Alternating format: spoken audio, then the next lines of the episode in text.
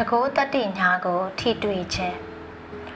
ကျွန်ုပ်ရဲ့ဆရာဗုဒ္ဓအဆိုအရာတော့ဘဝဆိုတာအခုချိန်နဲ့အခုနေရာမှာပဲရှိတယ်တဲ့အတိတ်ဆိုတာကလည်းဖြစ်ပြီးသွားပြီအနာဂတ်ဆိုတာကလည်းမဖြစ်လာသေးဘူးဒီတော့ကျွန်တော်အတွက်အသက်ရှင်နိုင်တာပြစ္ဆုတ်ပံလက်ရှိကာလပဲကျွန်တော်တခုခုကြုံလာတိုင်းလုံးလေးရှိတာကတော့လက်ရှိပြစ္ဆုတ်ပံကိုပြန်ပြန်လာခြင်းပါ အဲ့ဒီလိုလှုပ်ခြင်းအပြင်ကျွန်ုပ်ဟာဘဝကိုနက်နက်ရှိုင်းရှိုင်းထိတွေ့လာတယ်ဝင်လေဟာကျွန်တော်ရဲ့ဘဝထွက်လေဟာလည်းကျွန်တော်ရဲ့ဘဝခြေလမ်းတိုင်းဟာလည်းဘဝရှူနေတဲ့လေဟာလည်းဘဝကောင်းငင်ပြကိုလည်းထိတွေ့ခံစားရတယ်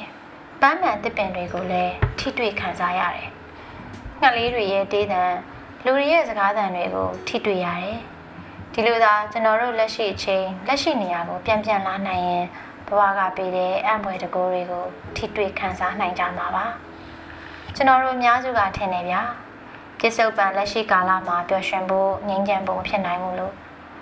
ဒါတွေရဖို့နည်းနည်းများများသောအကြောင်းတရားတွေလိုနေသေးတယ်လို့အများစုကယုံကြည်ကြတယ်ဒါကြောင့်လဲအနာဂတ်ကိုလှမ်းမြော်ကြတယ်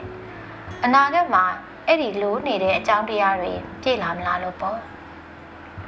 အဲ့ဒီလူသားအနာဂတ်ကိုပဲမျှော်နေခဲ့ရင်လက်ရှိကာလရဲ့အသေးအပွဲအံ့ဖွယ်ရာတကိုးတွေကိုထိတွေ့ခွင့်ရမှာမဟုတ်ဘူးလက်ရှိပြစ္ဆုတ်ပံမှာကိုယ့်ဘာသာကိုယ်တာနိုင်ပါမှပြောင်းလဲနိုင်ပါမှပျော်တတ်အောင်ကျင့်နိုင်ပါမှဒီဘဝရဲ့တကိုးတတ္တိတွေကိုထိတွေ့နိုင်ပါ